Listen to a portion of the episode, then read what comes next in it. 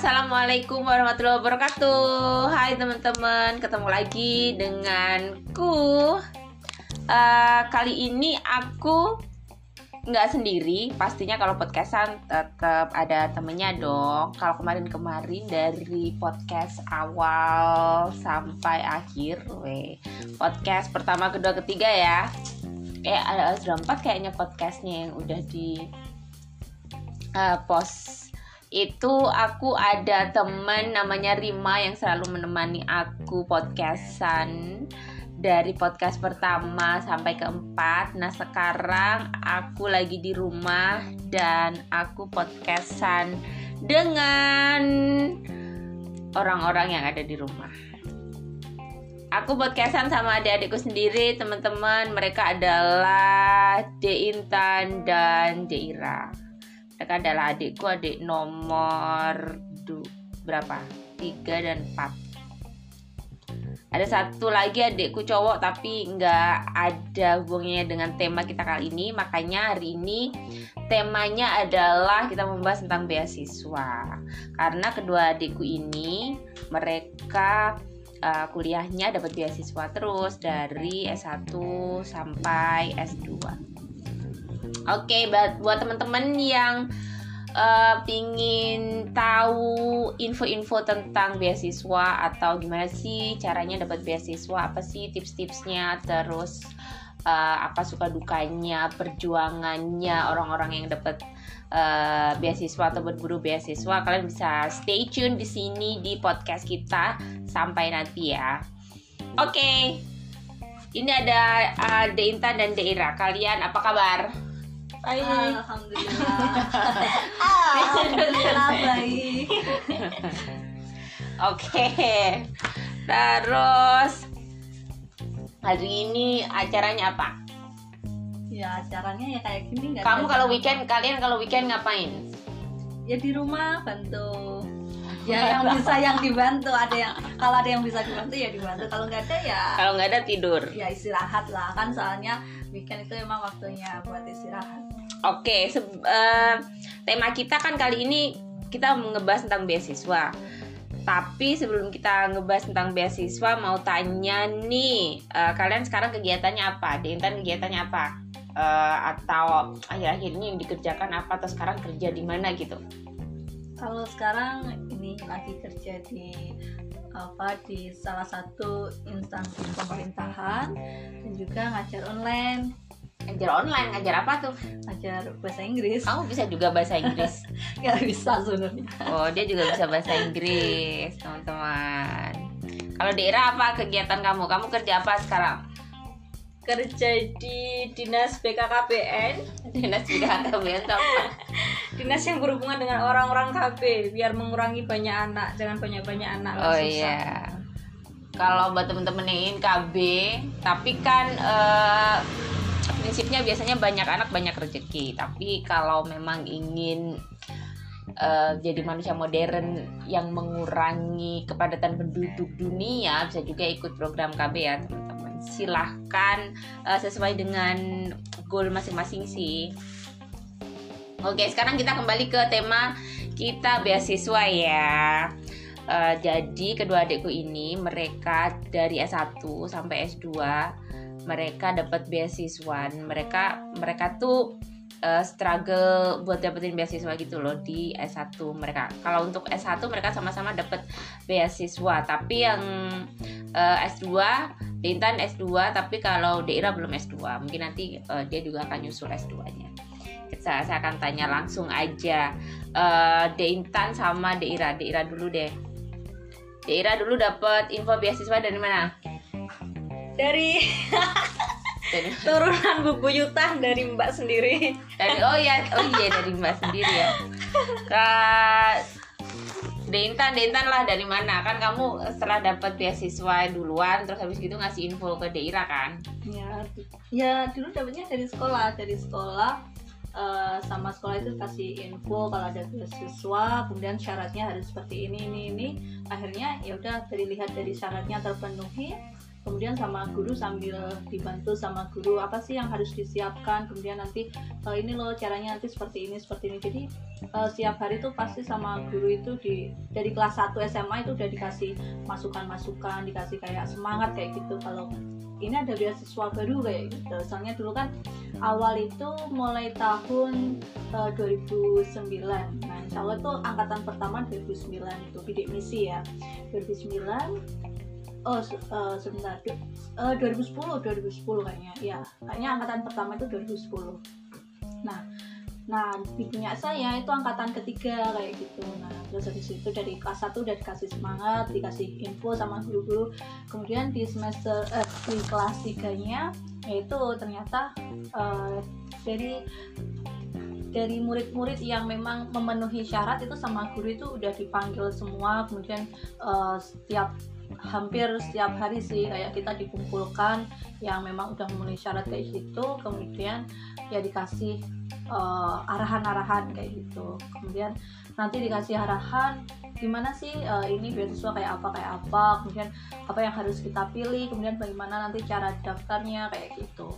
Nah, jadi emang dari sekolah sih awalnya saya dapat info oh infonya emang dari sekolah tapi uh, apa beasiswa bidik misi pertama kali ya enggak, angkatan ketiga. Oh, angkatan ketiga bidik misi. Jadi bidik misi memang nggak ada dari dulu. Kalau memang ada dari dulu, aku juga pingin, tapi kan nggak ada. Baru-baru aja kan. Zaman dulu beasiswa tuh susah banget teman-teman. Kalau sekarang, aduh sabar banget. Kalian tuh bener eh, bener-bener punya fasilitas yang banyak deh kalau mau uh, melanjutkan kuliah gitu atau mau mendapatkan fasilitas pendidikan yang lengkap gitu loh. Banyak sekali media-media gitu kan. Oke, kembali ke bidik misi. Jadi, kamu dapat infonya dari sekolah, dari guru-guru, dapat motivasi dari guru-guru. Terus uh, persyaratannya apa sih waktu itu? Kayak nilai gitu nggak sih? Ya, yang persyaratan utama memang itu tadi harus mulai dari semester 2 semester 2 itu kan berarti kelas 1 semester 2 hmm. mulai dari semester 2 sampai semester 5 nah berarti kalau semester 5 kan kelas 3 semester 1 nah, sampai semester 5 itu harus masuk 10 besar kayak gitu. Jadi uh, kita itu peringkat kelasnya harus masuk 10 besar. Itu syarat yang pertama. Jadi memang kita harus berprestasi, uh, berprestasi kayak gitu. Jadi masuk 10 besar peringkatnya. Kemudian yang kedua itu tadi syaratnya memang harus uh, anak ini ya orang tidak mampu lah seperti hmm. itu. Cuma dua syarat itu aja sih. Sama yang pertama sebenarnya syaratnya harus ada kemauan Oke, okay, hmm, of course harus ada kemauan, terus harus nilainya atau peringkatnya harus ikut 10 besar, terus setelah itu juga harus dari keluarga yang nggak mampu. Kalau bidik misi persyaratannya itu kan. Ya, jadi kalau memang nanti anaknya orang tidak mampu tapi dia nggak berprestasi ya nggak bisa. Aku nambahin. Ya nah syaratnya kayaknya bohong ya gitu loh oh gitu? Aku aku nggak pernah dapat 10 besar. Nilaiku jelek bahkan aku pernah ada uh, satu satu kelas tuh jumlahnya 20 siswa aku ranking 2 dari bawah. Enggak, soalnya kan emang kelas kamu kan kelas uh, unggulan. emang nilainya di atas rata-rata sih. oh karena kelasnya unggulan hmm. kelasnya unggulan. Ya mungkin bisa jadi apa namanya penilaian juga kan. kelas unggulan jadi satu kelas emang udah pilihan semua kan oh gitu. gitu. Oh iya. Tapi emang syaratnya seperti itu syarat dari uh, apa Kementerian Pendidikan emang kayak gitu. Dan dari sekolah pun dari awal udah dikasih tahu ini syaratnya. Jadi teman-teman teman-temanku itu yang dia nggak masuk sekolah besar ya mereka nggak bisa ikut. Makanya mereka tuh banyak yang ambil jalur mandiri kayak gitu. Oke terus uh, dari angkatan kamu itu semua berapa orang yang mereka itu berjuang untuk beasiswa bidik misi gitu mendapatkan beasiswa bidik misi? Di angkatan kamu sih. Oh kalau di angkatanku nah kalau lebih tepatnya angkanya berapa sih nggak nggak ini ya apa lupa dulu berapa nggak tahu. Kan ada temenmu yang di UNESA itu dapat bidik misi juga nggak dia? UNESA. Yang itu yang penjahit dia oh, dulu eh, ibunya uh, kayaknya kayaknya nggak dia mandiri. Soalnya dulu pernah ambil jalur kan kalau bidik misi itu kan kita dapat beasiswa nggak langsung hmm. bisa dapat. Jadi hmm. kita harus ikut tes tesnya dulu tes masuk. Hmm. jadi tes masuk itu yang pertama ada jalur undangan Nah, nanti tahap pertama, jadi paling awal itu memang dibukanya jalur undangan. Kalau uh, dulu namanya uh, eh, SBMPTN, sorry, uh, U senam PTN ya senam PTN, nah, SNMPTN SNMPTN senam PTN nah terus nanti kalau undangan misal nggak eh, nggak bisa kayak gitu nggak lolos kita ambil eh, langkah yang kedua jal- eh, jalur SBMPTN jalur tulis kayak gitu nah nanti baru kalau ternyata dari jalur tulis itu juga nggak lolos baru ambil jalan yang eh, terakhir itu tadi mandiri. Mandiri, itu maksudnya eh, ikut tes langsung dari kampusnya. Jadi yang ngasih soal yang adakan itu emang internal dari kampusnya kayak gitu. Nah nanti kalau udah masuk kampus baru di situ ada seleksi bidik misinya kayak gitu. Jadi kita belum tentu nanti kalau kita udah masuk kampus ternyata dari seleksi bidik misinya kita eh, langsung terima nggak nggak selalu seperti itu jadi ada kemungkinan bidik misinya juga nggak lolos kayak gitu jadi ada dua jalur itu jalurnya terpisah antara jalur masuk sama jalur beasiswa itu terpisah Oke, ta- berarti kamu nggak inget ya berapa orang yang dulu seangkatan kamu itu yang dapat bidik misi gitu? Atau Hmm. kamu aja nggak ada sih ada, tapi Cuma kamu nggak tahu. nggak tahunya siapa berapa nggak tahu berapanya Terus kamu dapat bidik misi di tahun berapa itu? Tahun 2012 2012. Mohon maaf ya teman-teman, kita udah senior-senior kalau yang dengerin teman-teman ma- masih ABG-ABG, masih belasan tahun. Uh, jadi info, informasi ini juga mungkin berguna buat kalian, buat nanti kalian kalau ingin dapat beasiswa juga gitu. Uh, terus habis gitu kamu dapat bidik misi. Waktu itu di kampus mana yang kamu dapat terus ada pilihan kampusnya nggak sih? Terus ada jurusannya gitu pilihan pilihan jurusan gitu nggak sih? Iya deh coba gimana? Jurusan kuliah? Ke kampus dulu. Oh ya terus habis itu kan kamu dapat Intan dapat bidik misi terus habis itu kamu kan eh, kuliah dulu berarti setahun ya? Setahun dua tahun kuliah em, empat empat tahun. Enggak lah yang mas bidik misi setahun dulu habis gitu kan baru disusul daerah. Oh dua tahun dua tahun. Dua tahun baru disusul daerah kan. Terus kamu ngasih dia saran buat bidik misi. Kenapa alasan kamu ngasih dia saran bidik misi? Nah, soalnya memang di situ salah satu kesempatan buat kita nerusin mimpi-mimpi kita, cita-cita kita kayak gitu. Ya, jadi masih di situ ngasih uh, apa saran. Kalau ini loh ada beasiswa ini, jadi kamu harus nyoba kayak gitu. Terus kalau daerah waktu waktu kamu eh, dikasih Mungkin info? angkatan angkatannya Tira ada berapa? oh, angkatanmu ya? Angkatanmu berapa waktu itu? Lupa. Ya banyak lupa. Tapi banyak yang dapat bidik misi banyak selain kamu? Banyak. Tapi kalau angkatanku terkenal terkenal ngawur sih ambil bidik misi soalnya dia kebanyakan kayak kelas-kelas. Dulu kan kalau aku kan ada kelas agama itu anak-anak agama tuh banyak yang keterima tapi ngambilnya ngawur. Kenapa Di ngambil Aceh, maksudnya dia ngambil di Aceh Oh, yang jauh-jauh gitu. iya. terus pas udah keterima nggak didatengin Al Azhar juga ada nggak didatengin terus keterima di sana oh kayak nyoba-nyoba gitu aja maksudnya iya betul terus habis gitu kamu waktu dapat info dari Mbak Intan terus habis gitu eh, kamu coba bidik misi itu Hmm. terus kamu dapat kampus apa waktu itu Ah, itu yang paling seru itu awalnya kan aku udah di jurusan agama. Jurusan agama di angkatanku itu eh, miris nggak bisa kuliah nggak bisa milih kampus yang bener-bener kita bebas milih. Itu kita cuma bisa eh, ambil ke kampus yang berbau-berbau Islam kayak IAIN kayak gitu gitulah Hmm. nah itu aku ngambil di UIN. kampus Malang, UIN Malang sama aku pengen di kampus yang umum. Soalnya aku udah udah bosen di pondok. Iya di sekolah man iya. Terus aku ngambil pilihan kedua di UPI UPI Bandung tapi di dua kampus itu itu semua Enggak, pilihan pilihan UPI. kedua enggak UPI. UTM. Itu enggak tuh beda lagi itu keluar dulu. baru keluar. beda beda Oh, dulu nah terus aku udah ambil dua itu habis itu itu dari dua kampus itu sebenarnya aku nggak serap soalnya prodinya itu semua serba pendidikan sedangkan aku nggak bakat banget buat jadi guru ke depannya terus eh, itu kurang berapa jam 11 malam kayaknya kurang berapa jam gitu kalau nggak berapa menit itu ada informasi baru katanya UTM sama 11 Maret kayaknya UNS. Nah, itu 11 Maret. itu bisa ngebuka buat anak jurusan agama. Nah, itu nambah. enggak enggak beberapa jam kayak eh beberapa hari sebelum. Udah hampir deket kok. udah Yes. malam itu pokoknya terakhir-terakhir penutupan. Nah, dari awal sampai akhir itu aku nggak daftar sekali, nggak ngurusin sama sekali yang ngurusin mbakku di Malang itu Mbak Intan yang ngurusin. Terus aku dikasih tahu dari pihak sekolahan ada pembaruan kampus yang membuka buat agama.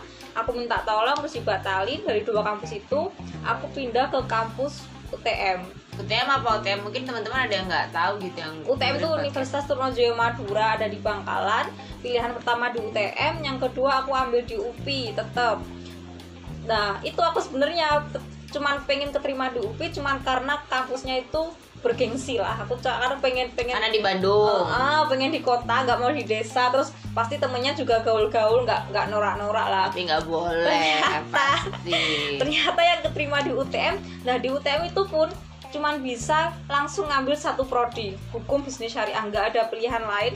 Ternyata aku yang awalnya pengen masuk kampus umum keturutan tapi aku masuk ke jurang yang sama lagi. Prodinya itu agama bener-bener semua serba agama. Bahkan pas ngampus tuh nggak boleh pakai celana.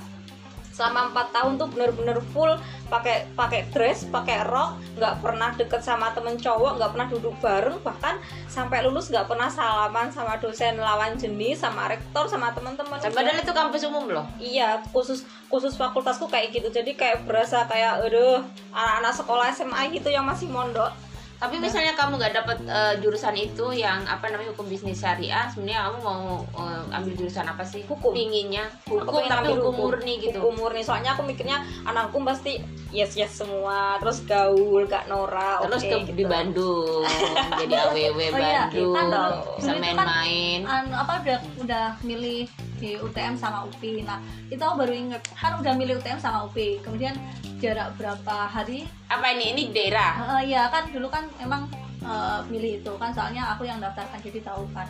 Milih UTM sama UPI. Nah, habis itu baru kita itu udah jarak berapa lama baru UNS tuh keluar. Padahal kita udah pilih itu, udah pilih dua kampus itu terus Hmm. UNS baru masuk list bisa dipilih gitu. Dulu cuma UNS eh, eh, anu, apa 11 Maret. Solo. Masuk. Kal- kan ada Universitas Negeri Semarang kan yang yang Solo, yang 11 Maret. Nah, itu baru keluar. Yaitu mendekatin penutupan padahal kita udah pilih dua kampus. Ya udah berarti kan nggak bisa pilih. Itu padahal kan paling pasti kamu nggak boleh jauh-jauh pasti.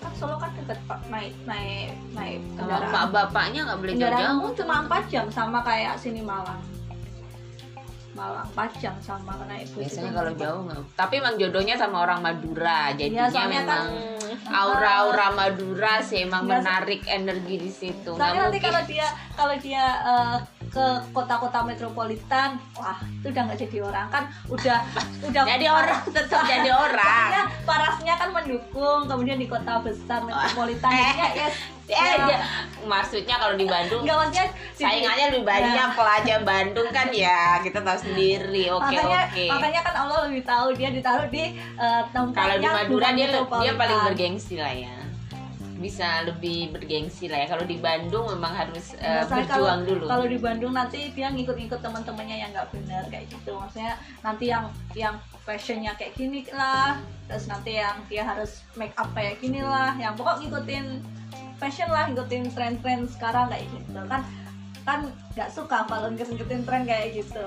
tapi intinya tapi intinya kalau memang eh, belajar di jauh-jauh kalau di keluarga aku emang aku denger aja sih denger aja dari dulu. Pasti nggak ada ya kalau di jauh pasti kalau memang ada option atau pilihan yang di deket-deket pasti diprioritaskan yang deket. Itu memang udah dari dulu sih teman-teman. Enggak ini eh, soalnya gini kalau kalau aku pribadi sebenarnya kita tuh anak-anaknya pengennya yang jauh-jauh merantau. Hmm. memang dari dari SD aku tuh dari SD emang suka merantau. SD aja kelas berapa itu? Kelas 2 atau kelas 3 itu. Pernah nginap satu minggu di rumahnya nenek itu bawa pakaian. Pokok kayak orang merantau kayak orang kos itu SD kelas 2 atau 3 bawa pakaian nginap satu minggu di rumah nenek. Soalnya itu tadi kayak pengen kos kemudian di rumah nenek dikasih kamar sendiri buat tinggal kayak gitu. Jadi tinggal satu minggu di rumah nenek. Soalnya dari kecil emang kita tuh udah jiwa perantau. Cuma sama orang tua itu nggak dibolehin soalnya kita kan cewek kayak gitu. Nah padahal kita sendiri sebenarnya pengen eh, apa pengen mandiri meskipun cewek nggak masalah kayak gitu. Maksudnya kita itu berani gitu loh.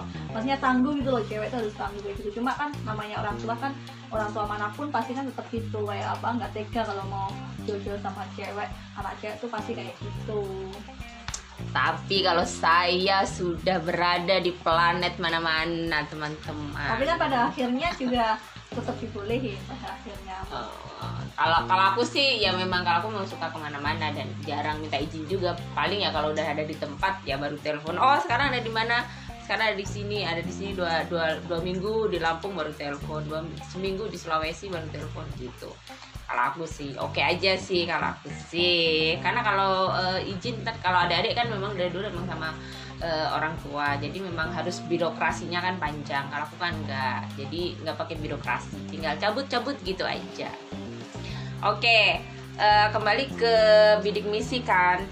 Hmm, mungkin teman-teman bidik misi sekarang masih ada nggak sih? Masih ada kan? Masih. Nominalnya malah nambah. Wow. Nah sekarang tuh kalian tau gak sih uh, kasusnya sekarang ini teman-teman yang uh, mereka itu mau dapat bidik misi atau berusaha untuk dapetin bidik misi itu ternyata tuh salah, salah sasaran gitu loh.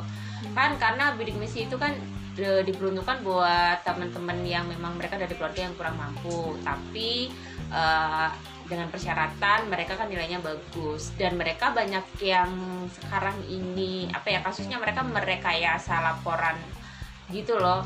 Kalau mereka dari keluarga yang tidak mampu padahal bapak ibunya e, mampu lah terus padahal rumahnya bagus lah punya mobil lah dan seterusnya lah. Kayak gitu gimana sih menurutmu?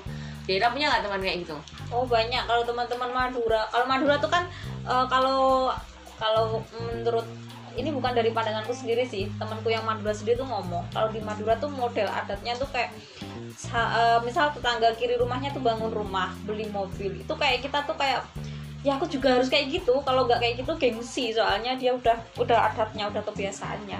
Dan di sana itu katanya teman-temanku kalau di Madura dari segi rumah itu mesti bagus-bagus semua keren-keren besar-besar nggak ada yang jelek. Bahkan aku, aku pas main ke Madura tuh sampai ke Pulau Mandangin Sampang tuh nggak ada rumah jelek kecil tuh nggak ada.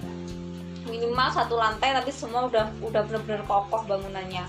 Tapi di balik rumahnya dia ekonominya kecil. Kalau emang dari kalau emang persyaratan bidik misi dia masuk. Soalnya ekonominya kecil. Kalau emang di, di, dijelajahi sampai ke dalam ya. Tapi kalau emang dilihat dari rumah bagus-bagus. Bahkan banyak temenku banyak yang cerita juga. Dulu itu pas dia disurvey uh, sama pihak bidik misi barangnya dititipin ke tangga itu Madura itu tapi nggak tahu kalau teman Jawa. Kalau teman Jawa sih kayaknya temanku bener-bener orang nggak mampu sih tapi kalau Madura banyak yang kayak gitu. Dengan jujurnya dia juga bilang kayak gitu ya itu Oh bisa jadi uh, orang Madura memang mereka karena adatnya mereka ingin apa ya penampilan fisik itu oh, oh, secara betul. ini ya rumah ya hmm. fisiknya dari rumahnya itu mereka harus bagus meskipun ya nggak tau lah makan makan besok makan apa gitu kan nggak punya ya, pendapatan gitu. tetap uh. gitu kan tapi tetap mereka dapat biji misi dapat sampai lulus bahkan dapat berarti uh, emang banyak kan biasanya kalau uh, teman-teman tuh yang katanya mereka anaknya orang mampu tuh tapi mereka ya apa namanya persyaratan-persyaratan supaya dapat bidik misi kayak gitu. Terus banyak yang teman-teman yang misalnya memang dia nggak mampu akhirnya mereka malah nggak dapet. Gitu kan nggak adil kan gitu gitu kan. Tapi biasanya juga untung-untungan kan kita nggak tahu juga. Kayak dapat beasiswa kan juga kadang itu rezeki. Tapi kalau bisa jangan ini apa maksudnya jangan sekali sekali nyoba buat uh, malsuin data soalnya nanti sekalinya ketahuan hmm. bakal di blacklist kayak gitu.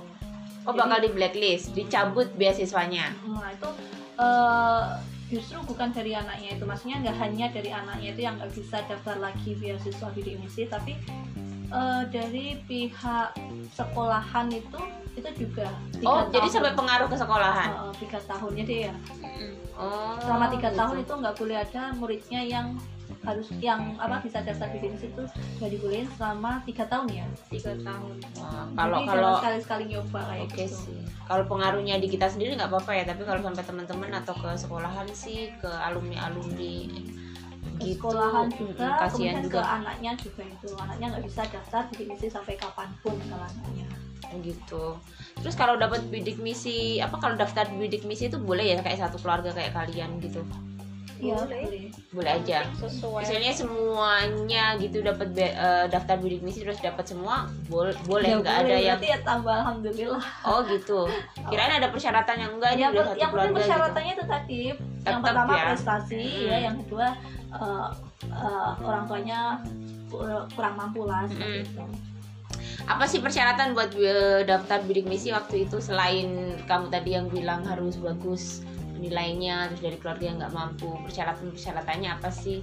Nah, persyaratannya tuh dulu yang rumit-rumitnya tuh Iya, yang eh, banyak eh, sekali banyak sangat complicated lah kayak gitu. Nah itu dulu sampai difoto rumahnya dari sisi samping, sisi Mm-mm. depan, Mm-mm. kemudian kamar mandi, kemudian eh, apa namanya seperti luas token listrik eh, Token listrik token juga. listrik, luas tanah, luas bangunan, kemudian ini lantainya itu apakah lantainya dari tanah, dari keramik kayak gitu, kemudian kamar mandinya apakah di luar, di dalam kayak gitu, jadi emang benar-benar detail kayak gitu. Mm-mm.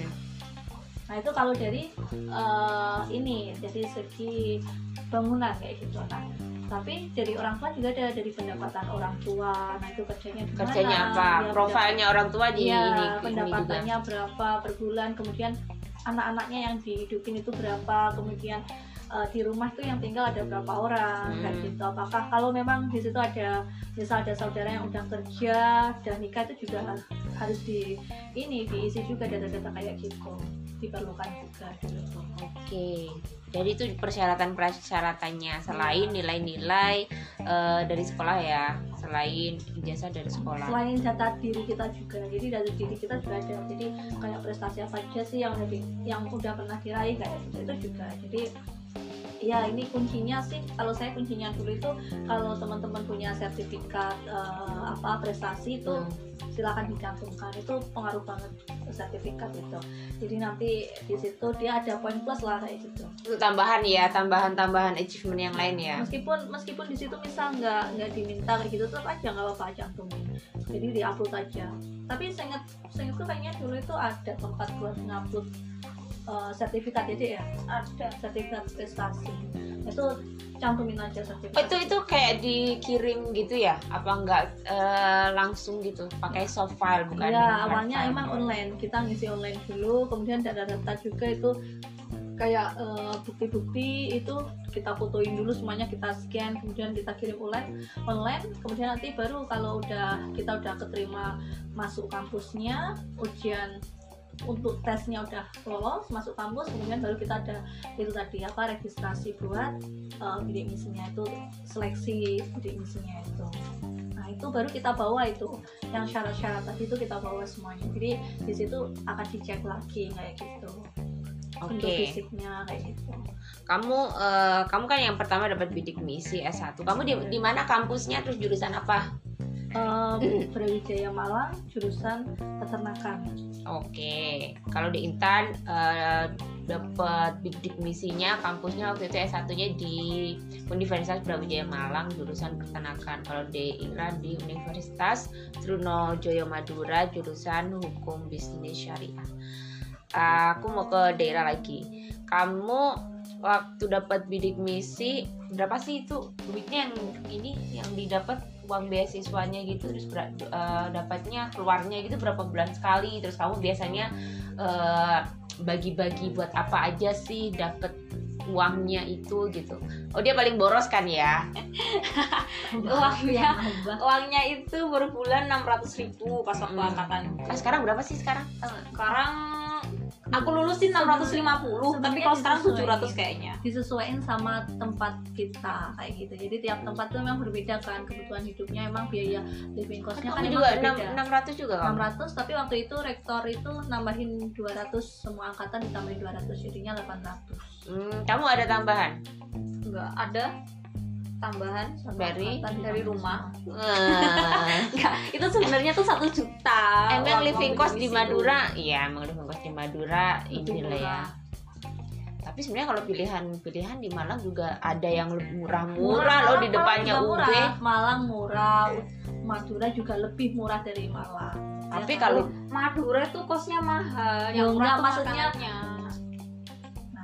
kehidupannya murah. Lah iya tujuh ribu makanya udah dapat makan es sama gorengan. Eh, Ya kan, cuman living costnya lebih murah kayak gitu loh. Kalau Biaya living cost- biaya hidupnya. Living cost lebih murah tapi cara dapetin makannya itu yang susah Udah cuy. sih.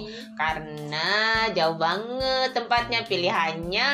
Kalau di Malang kan rame jadi pilihannya banyak bisa ini itu ini itu gitu loh tapi kan kalau lebih aku. lebih asik di Madura. Kalau pengen apa larinya ke Surabaya. Ah, lebih, jauh lebih keren dong. Jauh banget. sampai kok tambah keren. gampang nggak usah lari-lari keluar kota sampai kampus mall lo lebih keren di Surabaya. Oh iya tadi kamu dapat apa? Itu dapatnya satu bulan 600 saat itu. Tapi itu pencairannya kan sering telat jadi biasanya tuh eh, langsung langsung dicairkan selama selama enam bulan. Oh, Iya, jadi dapatnya enam bulan iya. kayak di rapel gitu ya. Eh, tapi itu biasanya kalau udah udah pas tanggalnya itu kita tuh siap-siap. Ada grup nanti ada yang ngasih kabar. Itu biasanya jam 12 sampai jam 3 pagi itu kita harus standby pas udah tanggal-tanggalnya. Terus habis itu ada yang ngabarin BM udah cair nih. Nah, ya udah pas jam setengah tiga gitu langsung gegas aku kayak berasa jadi bos geng di kos gitu langsung ambil motor udah cabut ke Bangkalan Kota itu. Jaraknya paling eh, berapa ya setengah jam mungkin. Itu pun nggak ada nggak ada penerangan kan di Madura. Gelap banget ada ada begal kenapa kok aku setengah tiga lari ke ke ATM ngambil? Soalnya itu nanti kalau udah jam 6 pagi udah di limit sama pihak kampusnya cuman bisa diambil satu bulan sedangkan aku butuh duit 600 ribu kali 6 bulan nanti kalau udah ngambil pagi itu ya jam 6 jam berapa tuh siap-siap cabut ke Surabaya Kok bisa di limit lagi? Kenapa? Ya emang emang peraturannya tuh kan biar ya mungkin biar hemat nggak aja mahasiswanya eh, di limit sama pihak kampus. Kita kita nggak nggak ambil di ATM kampus soalnya ATM kampus jam segitu udah full. Bahkan di Bangkalan Kota juga udah full. Kita tapi ngambil yang biasanya kalau di Bangkalan Kota kan uangnya mungkin banyak ya di ATM-nya kita ngambil di sana dapat 6 bulan pagi-pagi nanti udah siap-siap pagi itu siap-siap gegas cabut ke Surabaya belanja gitu tapi tapi seingatku nggak nggak ada memang yang sampai enam bulan tuh kayaknya yang pertama deh. enggak aku aku sampai lulus gitu kayaknya aku pernah juga di tiap tiga bulan aku bulan, jarang aku gitu. mestinya enam bulan tuh mesti gitu yang dapat tiga bulan nih temanku banyak sih yang ngambil jam 10 pagi tapi dia cuma dapat satu bulan satu bulan Itu kamu ambil langsung semua cash. semua itu semua udah diambil cash nanti pulang dari ATM ngitung total hutang berapa terus cabut siap-siap ke Surabaya belanja belanja baju. Habis dari Surabaya Baju uang apa? habis. Besok ngutang lagi. Gitu. Baju branded. Gucci. pokoknya beli aja udah itu kehidupanku dulu. Seru Baju, sih. bajunya bukan branded ya, tuh, secara 600 ribu. ya pokoknya baju lah buat buat anak-anak mahasiswa hiburan lah ya. Masa belajar aja gitu buat buat reward mereka gitu terus 600 ribu itu cukup nggak buat kalian hidup sebulan? Kalau kalau benar-benar dibuat hidup sih cukup cukup banget. Tapi kalau emang ada campuran foya-foya jalan-jalan gini gitu itu nggak cukup. Tapi kalau buat hidup di Madura sih banget banget cukupnya. Bahkan aku pernah dulu pas KKN di Sumeneb paling pasti kalian heran aku pernah makan nasi banting kayak nasi kucing gitulah itu udah benar-benar lengkap. Ada telur mie tempe ada apa lagi? Ada sambal. Itu cuman harga 2000 rupiah udah kenyang banget. Banyak sih. Kalau di sini mungkin harganya sekitar 5000 di sana di sana cuma 2000 berarti Makanya berarti bisa kalau buat mencukupi makan? Bisa banget. Cuman tapi kan aku nggak bisa hidup sepaneng nggak foya-foya. Harus foya-foya ya? Harus dong harusnya motivasi. kamu gantiin ya Ramadan itu tuh belum bisa sih kalau itu soalnya masih katro aku. Enggak. Jadi 600 ribu teman-teman. Sekarang kalau sekarang katanya 700an ya nggak tahu lagi. Mungkin buat teman-teman yang eh, nanti apply bidik misi lagi mungkin juga bisa naik lagi kan. Setiap tahun pastinya naik juga kan. Nggak mungkin setiap tahun segitu. Apalagi kalau barang-barang tambah mahal nggak mungkin tetap sama 200 itu kalau kalau di eh, Madura 600 kalau di Madura 600 bener-bener ini ya apa bisa kayak gitu. Tapi kalau di Malang itu sebenarnya nah itu sebenarnya bisa. Cuma bisanya itu ya kita benar-benar harus benar-benar hemat kayak gitu. Maksudnya lauknya itu ya lauk yang memang di situ eh, nggak setiap hari harus ikan kayak gitu. Soalnya kalau 600 setiap hari ikan itu nggak akan cukup kayak gitu. Jadi harus bisa kita 600 itu buat satu bulan bisa. Cuma itu apa namanya makanya itu harus benar-benar kita harus hemat lah kayak gitu. Sebenarnya kalau eh, ya, apa bisa apa enggaknya sebenarnya di Malang tuh nggak bisa uang segitu itu. Cuma itu tadi bisa kita buat satu bulan tapi ya itu harus kita pintar-pintarnya manage uangnya itu kayak gitu. Berarti tergantung orangnya ya Iya, bisa ngatur keuangannya. Tapi itu makanya yang penting makanya namanya anak kos jadi makan ya jangan sampai banyak lah udah semuanya pun pasti rahasia umum lah kalau anak kos tuh pasti makannya juga eh, mungkin di awal ya foya-foya tapi di akhir kekurangan kayak gitu. Tapi kalau foya-foya beli apa aja sih? Nah, perasaan nggak foya-foya banget kayak kamu beli apa Nah, kayak iya, yang ya itu maksudnya kebanyakan anak kos kan pasti kayak gitu. Nah, tapi jangan, maksudnya kan kalau buat bidimis itu kan jangan dibuat foya-foya. Soalnya Yang 600, ya 600 itu kalau kita benar-benar nggak ada maksudnya nggak ada masukan, nggak ada eh, masukan dari orang tua, dari siapa pun, atau kita nggak ada eh, sambilan kerja kayak gitu, otomatis kan pemasukan kita hanya dari beasiswa itu. Nah, Mm-mm. jadi 600 itu mau nggak mau ya harus kita gunakan sebaik-baiknya. Soalnya kan nggak hanya makan di sana, kita juga butuh bayar kos kayak gitu. Hmm. Kemudian kita apalagi kayak eh, jurusan yang eksak itu kan pasti banyak praktikum. Nah jadi praktikum kan pasti ada yang ke lapang juga, ada yang di kampus itu kan kita juga butuh biaya kayak gitu. Jadi 600 itu sebenarnya nggak hanya untuk makan, ada biaya lain juga kayak biaya eh, kos buat bayar bayar kos, kemudian buat eh, ke- kebutuhan tak terduga kayak gitu. Kemudian belum lagi nanti buat praktikum praktikum, kunjungan kayak gitu.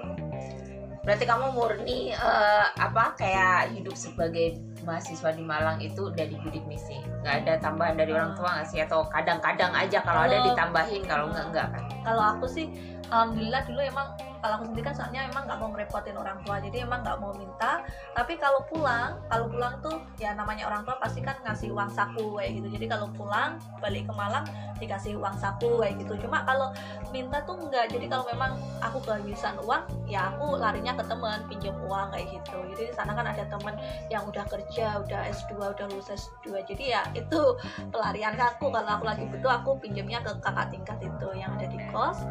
Nanti uang bisnisnya keluar aku ganti. Jadi aku nggak pernah minta ke orang tua kayak gitu. Pernah itu kalau nggak salah sekali apa dua kali aku ingat banget. Itu soalnya emang bener-bener udah kehabisan nol rupiah. Jadi di dompet udah kosong nol rupiah. Itu baru aku minta eh, nggak minta istilahnya eh, telepon orang tua. Kemudian ya itu ngomong kalau uangnya bener-bener udah habis kayak gitu. Nah, itu pernah sekali apa dua kali kayak gitu. Lainnya kalau ke kehabisan uang ya pinjem ke temen kayak gitu Oke, kita tadi jeda sebentar ya teman-teman karena kita emang podcastannya agak sore menjelang maghrib. Jadi emang sempatnya sejam-jam segitu. Nah sekarang lanjut lagi. Tadi apa? Ada Intan apa? Lanjutnya. Iya. Nah, kalau aku sih alhamdulillah dulu itu eh, semester 1 dan 2 itu masih bayar kos. Nah, kemudian semester 3 Nah, semester 3 ini dulu itu aku kosnya beda, dua kali pindah. Jadi eh, yang semester 1 dan 2 itu ada di kos yang sama, kemudian semester 3 itu udah mulai pindah sampai lulus. Itu dulu ceritanya awal kali nggak sengaja kan apa eh, awalnya aku gini waktu lewat ada kos besar bagus gitu ya kemudian eh, ada anak di atas itu di tingkat dua itu kan kamarnya itu hadap jalan jadi lobbynya itu emang eh, hadap jalan kayak gitu aku lihat gini waktu aku berangkat berangkat kuliah gini wah enak ya itu kamarnya kayaknya kok. Apa hadap jalan kemudian ah kayaknya enak sih itu cuma cuma apa batin seperti itu sih. Nah ternyata jarak eh, berapa bulan kayak gitu aku lewat lagi kos itu lah itu kan pilih nah jadi pilih itu dulu anaknya eh, guru ngajiku. Nah guru ngaji guru ngajinya itu dia itu suaminya tetanggaku. Nah kayak gitu. Nah jadi yang cewek itu orang Malang. Loh itu kan pilih. Wah itu rumahnya pilih. Di sini kos kosannya pilih dong. Berarti kapan hari aku ke situ aku bilang aku cari yang namanya Mbak Eti. Mbak Eti itu kan nama itu kan bu kos yang guru ngajiku dulu orangnya nggak masih belum ada. Akhirnya kita kayak janjian mau ketemu kapan akhirnya ke situ lagi ketemu ya udah temu kangen. Oh iya bener Mbak Eti gini gini gini gini. Dan orangnya oh iya ah, seneng lah kayak gitu. Akhirnya ya udah aku ngekos di situ. Nah ngekos di situ dan kamarnya itu itu tepat di kamar yang dulu aku pernah eh, apa apa batin dalam hati kayak gitu kan yang tentang anak yang anak yang masuk kamar itu tadi yang wah kayaknya enak gitu. Ternyata aku tepat di kamar itu kayak gitu dapetnya itu semester 3 kemudian pas ibu eh, datang ke sana nggak tahu bilang apa yang ngobrol-ngobrol sama Mbak Eti Eh, mesti kan ngobrol sama Mbak Eti tiap kali ke sana. Nah terus dari situ ibu pulang Mbak Eti bilang ada ini dia apa ada gini gini gini apa eh, apa ini sih orang yang bersih bersih situ dia itu udah nggak di situ kayak gitu. Nah akhirnya ya udah aku menawarkan diri ke mbak Eti. Ya udah akhirnya ya udah nggak apa-apa. Akhirnya aku di situ bantu cuma bantu ini uh, nyapu tangga. Tangganya kan ada dua di situ. Nah itu aku cuma nyapu tangga bantuin mbak Eti nyapu tangga dan buang sampah ke depan aja. Jadi di dalam kan ada sampah itu apa e, tong sampah yang dari karet itu nah itu kita letakkan di depan aja di depan kos. Soalnya udah ada yang ambil sampah sendiri. Nah cuma itu aja. Jadi ya udah nggak apa nah itu cuma bantu itu aja apa bu, e, nyapu tangga dan meletakkan sampah di depan kos. Nah itu nanti kosnya gratis kayak gitu. Nah tapi dengan uh, gratis tapi kamarnya pindah di bawah kayak gitu. Bukan lagi kamar itu soalnya yang kamar itu tadi kan kamarnya emang paling luas kayak gitu yang aku tempatin. Dua kamar sih sampingku lagi itu yang paling luas. Nah, di situ pindah di bawah pindah di bawah emang kamarnya lebih kecil kayak gitu. Ya udah nggak apa-apa. Ya udah mau. Akhirnya aku mau aku setuju ya udah nggak apa-apa gitu. Pindah ke bawah ya itu nggak bayar semulai dari semester 4 sampai lulus. Nah itu nggak bayar kosnya. Cuma bayarnya ini kita kan emang namanya anak kos kosan itu kita janjian tiap bulan memang ada rapat kemudian di situ ada uh, dapur kan. Nah itu kita iuran buat bayar uh, gas kayak gitu. Nah ya udah kita cuma aku cuma bayar iuran gas itu aja. Jadi semuanya udah lengkap fasilitas di kos juga udah lengkap udah ada udah ada TV udah ada wifi kemudian ada dapur kemudian enak lah kosnya. Sampai temen sampai temen datang tuh bilangnya katanya ini apa namanya dikirain kayak mes kayak gitu kayak camp uh, apa mes. Asrama. Asrama nah kayak asrama. Padahal bukan. Nah tapi ya itu alhamdulillahnya itu. Jadi uang uang apa uang beasiswa itu utuh kayak gitu. Jadi, oh jadi kamu kebantu dari kamu ngebantu ibu kos di situ lah ya istilahnya buat bersih bersih. Jadi kayak gitu teman-teman kalau memang uang beasiswa kita nggak cukup ya pinter-pinternya teman-teman aja buat apa cari penghasilan yang lain gitu kan. Kalau misalnya masih ada waktu luang selain kuliah gitu kalian bisa kayak itu tadi bisa juga bantuin bersih bersih atau mungkin juga kalau kalian bisa merevetin merevetin gitu. Apalagi sekarang lagi kayak kelas online gitu kan kalian bisa kayak ngajar-ngajar online juga via uh, via handphone kan jadi kalian bisa uh, dapat penghasilan lebih kalau uangnya nggak cukup gitu loh maksudnya tipsnya ya, tuh sama, kayak sama gitu. ini dulu itu memang di situ kan ada wifi itu wifi hmm. memang yang masang itu teman-teman sendiri bukan dari hmm. kos nah itu awalnya dulu yang uh, yang punya ide kayak gitu tuh kak, mbak mbak kos lah mbak kos. Tapi mbak kosnya udah keluar akhirnya diserahin ke aku. Yaudah akhirnya aku itu mulai dari semester 5 itu aku yang jual wifi-nya jadi ya dapat pendapatannya lebih lagi. Selain uang bidik misi juga dapat uang dari aku ngejual wifi itu voucher voucher wifi kayak gitu. Itu lumayan banget itu aku ngejual voucher wifi soalnya teman-teman tuh semuanya satu kos itu butuh semuanya. Dan belinya itu dia cepet banget habisnya. Nah kita kan di situ kan uh, vouchernya itu hitungannya tuh per jaman. Nah jadi bener-bener untung gitu loh. Aku bisa udah tinggal di, kos uang datang sendiri kayak oh, gitu. Oh jadi uh, pokoknya banyak sampingan lah ya kamu ya. Oke okay. uh, eh, dulu itu kan kalian udah dapet uh, bidik misi nih S1 nya tapi dulu itu waktu belum kuliah cita-cita kalian tuh sebenarnya apa sih? Daerah tuh cita-citanya apa sih atau kamu punya impian sendiri kalau kuliah nanti jurusan apa terus nanti pengen cita-citanya jadi apa gitu. Terus masuknya di apa terus perasaannya perasaannya gimana? Waktu uh, uh, jurusan yang kamu ambil tuh nggak sesuai dengan apa yang kamu inginkan gitu. Pertama kalau dibilang uh, cita-citanya apa pas masih bocil ya masih SMA masih sekolah lah itu tuh mikirnya cuman pengen kuliah yang sesuai keinginanku. Misal aku pengen masuk ke kuliah yang jurusannya lebih menuju ke kayak seni-seni entah itu desain baju entah itu seni dalam uh, bidang rias atau intinya seni-seni lah. Ya tentang tentang fashion gitu aku nggak tahu dari dulu. Terus setelah udah tahu ternyata pernah sih kayak dibilang kayak apa sih kuliah kok cuma ambil gitu? Mending otodidak juga bisa. Ya udahlah kayak udah diremehin kan. Ya udah mikirnya ya masuk hukum aja lah enak gitu eh pas udah masuk ke situ ternyata masuk hukum bisnis syariah itu bener pertamanya tuh bener-bener nyesel banget. Nyeselnya apa? Aku dulu SMA kan masuk agama. Awalnya pengen masuk IPS nggak dibolehin. Terus disuruh masuk IPA disuruh masuk IPA tuh nggak bisa nilaiku anjlok di bidang IPA ternyata aku dimasukin ke jurusan agama. Orang rumah seneng sih. ah, orang rumah seneng. Tapi kalau kalau aku pribadi pertamanya sebel banget pas tahunnya masuk pas udah mau lulus SMA atau aku mikirnya alhamdulillah lulus habis ini kuliah aku bisa bebas kayak bener-bener keluar dari kerangkeng macan gitu ya.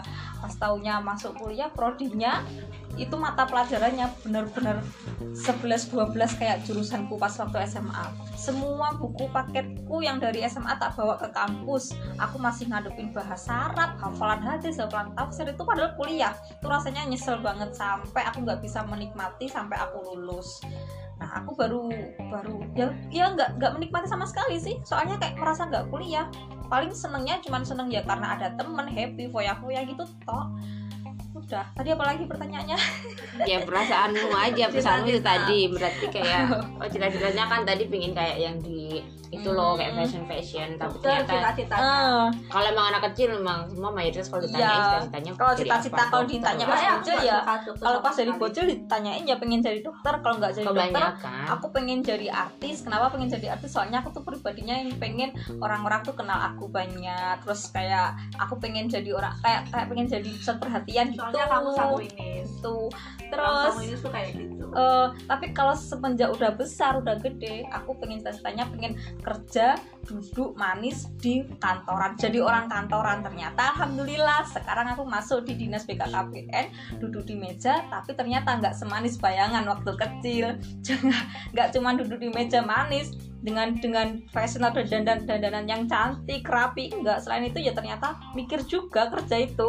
Kirain cuma duduk manis dapat gaji. Tapi tapi, kan- ya terkabul sih. Itu kan cita-cita kamu kalau kerja pingin pakai yang pingin pakai seragam gitu kan? Heeh, ya pokoknya intinya di kantor semenjak- pakai seragam. semenjak gede tuh emang pengennya emang bener-bener kerja di kantor nggak mikir yang lain-lain. Ternyata ya alhamdulillah kalau terkabul kerja pasti mikir semua. Cuman kan eh, ke- pasti kerjaan ini nggak sesuai dengan jurusan kamu di kuliah kalau kerjanya emang nggak sejurusan tapi kalau caranya kayak aku masuk di kantor duduk di bener-bener kayak Kalau impiannya Heeh, heeh. kamu waktu itu uh, udah udah ada yang pas dengan impian kamu karena ada pakai ini Iya. pakai seragam dan kerjanya di kantor cuma di desa itu aja soalnya dulu mikirnya kan pengen kerja di merantau kota besar. Ya betul sekali. Dan merubah hidup.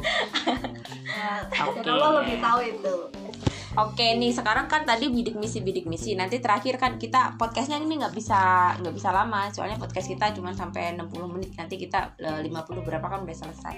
Nah ini agak cepet aja nih ke aku ke Dintan lagi. Nah Dintan kan sudah dapet eh, S2 nih. Udah habis bidik misi dia eh, dapat S2 juga nih beasiswa S2. Nah kamu beasiswa S2 nya itu apa yang sudah kamu dapat dan di mana kampus apa waktu itu? Kenapa kamu bisa ambil beasiswa itu? Nah, itu beasiswanya itu dari Kementerian Pertahanan.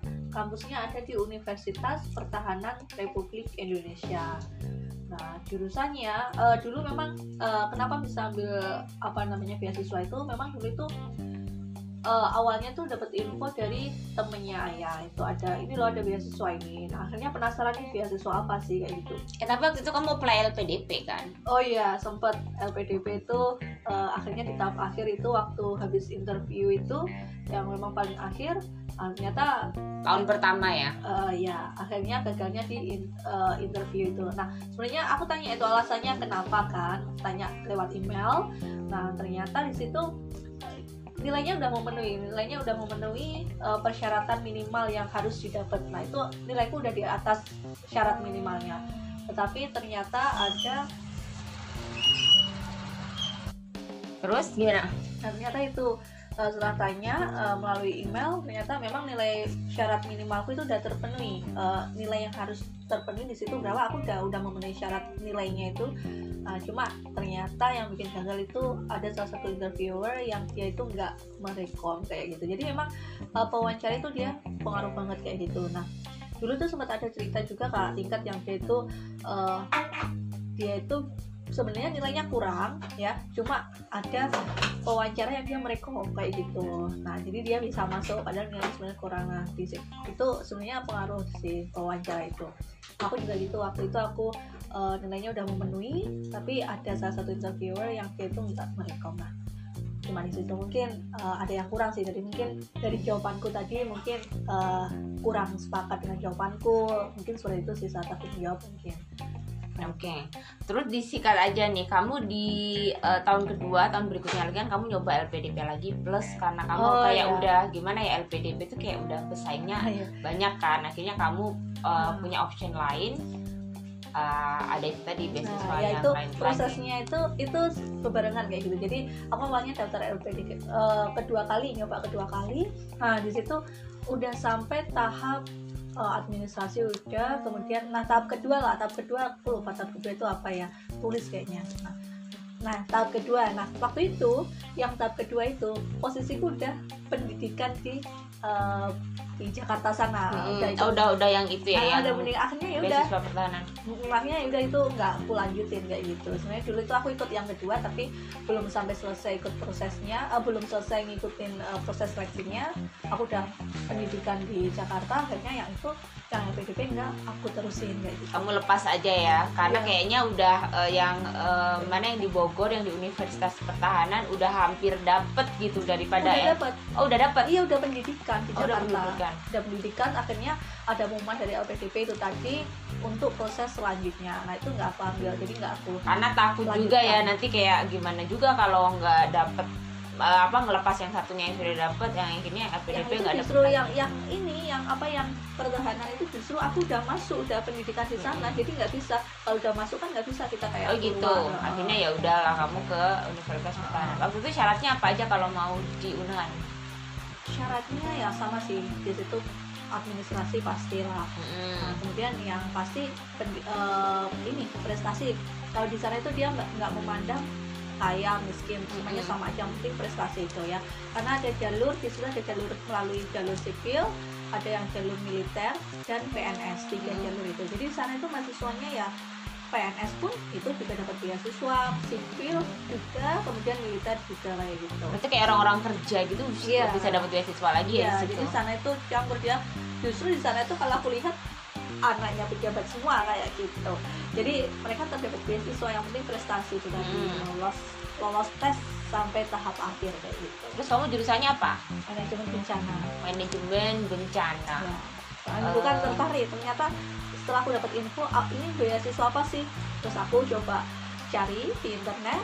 Wah ternyata seru juga kayaknya ini ya. Aku lihat langsung tertarik lihat jurusan manajemen bencana. Ya udah aku coba itu yang pertama manajemen bencana. Soalnya aku lihat dari dari jurusannya tuh manajemen bencana. Wow kayaknya seru juga nih. Kayak nolong nolong orang tuh kayaknya seru juga ya kalau ada bencana nolong orang tuh kayaknya seru juga kayak gitu. Akhirnya ya udah aku pilih yang manajemen bencana itu di pilihan pertama pilihan keduanya manajemen pertahanan akhirnya aku lolos di pilihan pertama Oke. Eh, pas- eh, pertanyaan belum terakhir sih nanti eh, ini pertanyaan sebelum pertanyaan terakhir. Fasilitas apa yang kamu dapat waktu kamu kuliah S2 di Unhan? Terus waktu itu ceritain juga sebentar aja sedikit aja tentang pengalaman kamu waktu kamu PKL di Jepang gitu loh.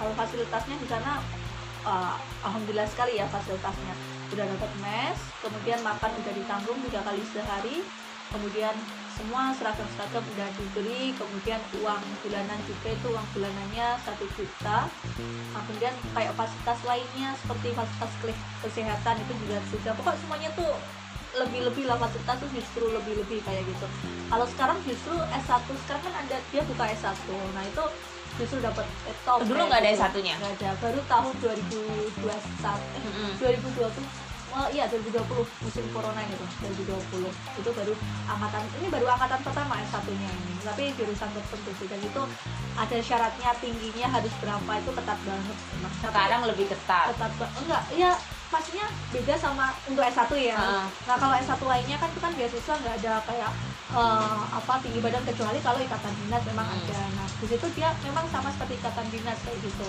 tinggi badan juga harus memenuhi kayak gitu jadi memang anaknya tuh tinggi tinggi semuanya. Kemudian dia harus nilai ijazahnya harus emang di situ seleksinya ketat sekali Seleksinya Jadi, ketat. ya prestasi itu harus benar-benar terus mendukung. fasilitasnya tadi apa? Fasilitas asrama. fasilitas asrama itu asramanya ber Hmm. AC kayak gitu. Kemudian makan tiga kali sehari. Kesehatan juga ada tempat gym juga di sana lengkap tuh tempat gymnya. Ada uang saku. Uang saku satu juta per bulannya kayak gitu. Jadi ada lagi lebih-lebih apa lagi? Itu yang aku ingat sih. Ada pokoknya eh, oh iya fasilitas- fasilitas kayak kita pulang waktu hari raya Idul Fitri apa hari raya lah hari raya besar itu juga ada kayak mudik bersama gitu. Jadi dari masing-masing kayak kita ada bus dari sana langsung ke eh, tempat tujuan. Kita Hmm. harus ke mana nanti? Ke Surabaya kayak gitu. Nah itu fasilitas mudik lah ya. Eh, kemudian ini juga apa namanya? Eh, apa tadi aku ingat sih. Oh ya ada bus juga di sana jadi kalau teman-teman dari Khusus. mes dari mes ke kampus itu dijemput sama bus kayak Oh, gitu pulang oke. pergi kayak gitu berangkat kemudian pulangnya nanti juga ada bus jadi udah teman-teman nggak usah bingung-bingung kayak gitu pulangnya gimana berangkatnya gimana udah ada bus tapi Dari itu mes kan eh, kampus. kampusnya berbase ber eh, based on military gitu gak sih jadi kamu Iya. waktu apa kayak ospek gitu kayak dilatih militer militer semi, gitu ya, kan semi semi militer. Semi-semi Kenapa militer. kita buat semi militer kayak gitu? Karena karena memang inginnya inginnya emang biar ini apa namanya ya inginnya memang ya karena universitas Enggak, pertahanan, pertahanan inginnya kan eh, ini adanya militer dan sipil tuh biar kita saling eh, apa menyatu berbaur kayak gitu ya tujuannya itu tadi biar ada melting point ya. Melting point antara TNI, sipil dan PNS semuanya biar ada Oh, melting kayak, point. eh, ada bondingnya ada inilah ya pengenalan gitu kan. Namanya juga universitas pertahanan gitu kan. Oh ya terus gimana PKL kamu di Jepang waktu itu? Ya ini eh, di sana itu Iya itu semua udah fasilitas ke luar negeri itu udah fasilitas. Jadi sesuai jurusan karena manajemen bencana dan bencana untuk eh, kebencanaan memang Jepang tuh salah satu dia sama kayak Indonesia ya. Dia itu justru kalau Indonesia kan terdapat di antara tiga te- lempeng tektonik dunia. Tapi kalau Jepang itu empat. Jadi makanya di sana sering terjadi gempa dibanding Indonesia lebih sering sana. Karena memang dia berada di empat tektonik eh, lempeng tektonik dunia kalau Indonesia hanya tiga. Nah kemudian memang di sana dia bagus ya untuk apa namanya memanage manajemen eh, kebencananya. Di sana bagus makanya kita tujuannya untuk manajemen bencana ke sana perginya. Jadi di sana nanti eh, di sana itu kita juga ikut seminar. Kita ke kampus juga ke kampus di situ kampus pertahanan yang ada di Jepang. Nah kemudian di sana kita memang seminar kemudian kita presentasi juga ya presentasi tentang kebencanaan yang ada di Indonesia begitupun dengan yang Ada di kampus- Jepang. kampusnya. Nah kemudian kita juga mengunjungi beberapa perusahaan kayak gitu. Nah, kemudian jadi kayak gitu kita mengunjungi beberapa perusahaan kayak gitu di sana ya. Nah, pokoknya kayak eh, kalian itu belajar juga dari negara Jepang bagaimana mereka mempertahankan eh, negara mereka dari eh, bencana-bencana yang Jepang kan sering juga dapat tsunami kan negaranya Gempa, kayak gempa dan tsunami gempa. juga gitu kalau tsunami masih jarang gempa sih gempa sama kan sering juga itu air air laut yang meluber gitu ke eh, ke negaranya Enggak, mereka gitu. lebih seringnya gempa soalnya sana memang laut itu kan nggak sebanyak yang di Indonesia Indonesia kan memang negara Hmm. kepulauan makanya sering terjadi tsunami juga selain gempa kalau Jepang enggak oke. Lebih gempa Kayaknya sih sebenarnya masih panjang banget sih teman-teman, tapi karena waktunya sangat terbatas, jadi terakhir tips-tips buat teman-teman yang ingin dapat beasiswa. Tipsnya apa? Dari Daerah dulu? tipsnya percaya diri yakin. Udah nggak perlu pinter. Yang penting kita percaya diri yakin. Percaya diri dan yakin. Kalau dari Intan, ini yang penting. Pertama niat harus bulat. Kemudian setelah itu semangat. Nah semangatnya harus ada. Kemudian belajar yang tekun yang sungguh-sungguh kemudian berdoa udah nanti Allah akan tahu proses kita selama memperjuangkan itu bagaimana nanti pa- pasti akan ada hasilnya oke, thank you very much. Itu tadi teman-teman tips-tips dari Intan dan Deira. Terima kasih ya udah mendengarkan podcast saya kali ini podcast weekend dan gak bersama Neng Rima lagi tapi dengan adik-adikku sendiri karena aku lagi ada di rumah sekarang. Terima kasih udah dengerin podcast ini. Semoga bermanfaat buat teman-teman yang lagi eh, memang lagi be- pengen berburu beasiswa. Thank you uh, dan sampai jumpa lagi di podcast berikutnya. Assalamualaikum warahmatullahi wabarakatuh.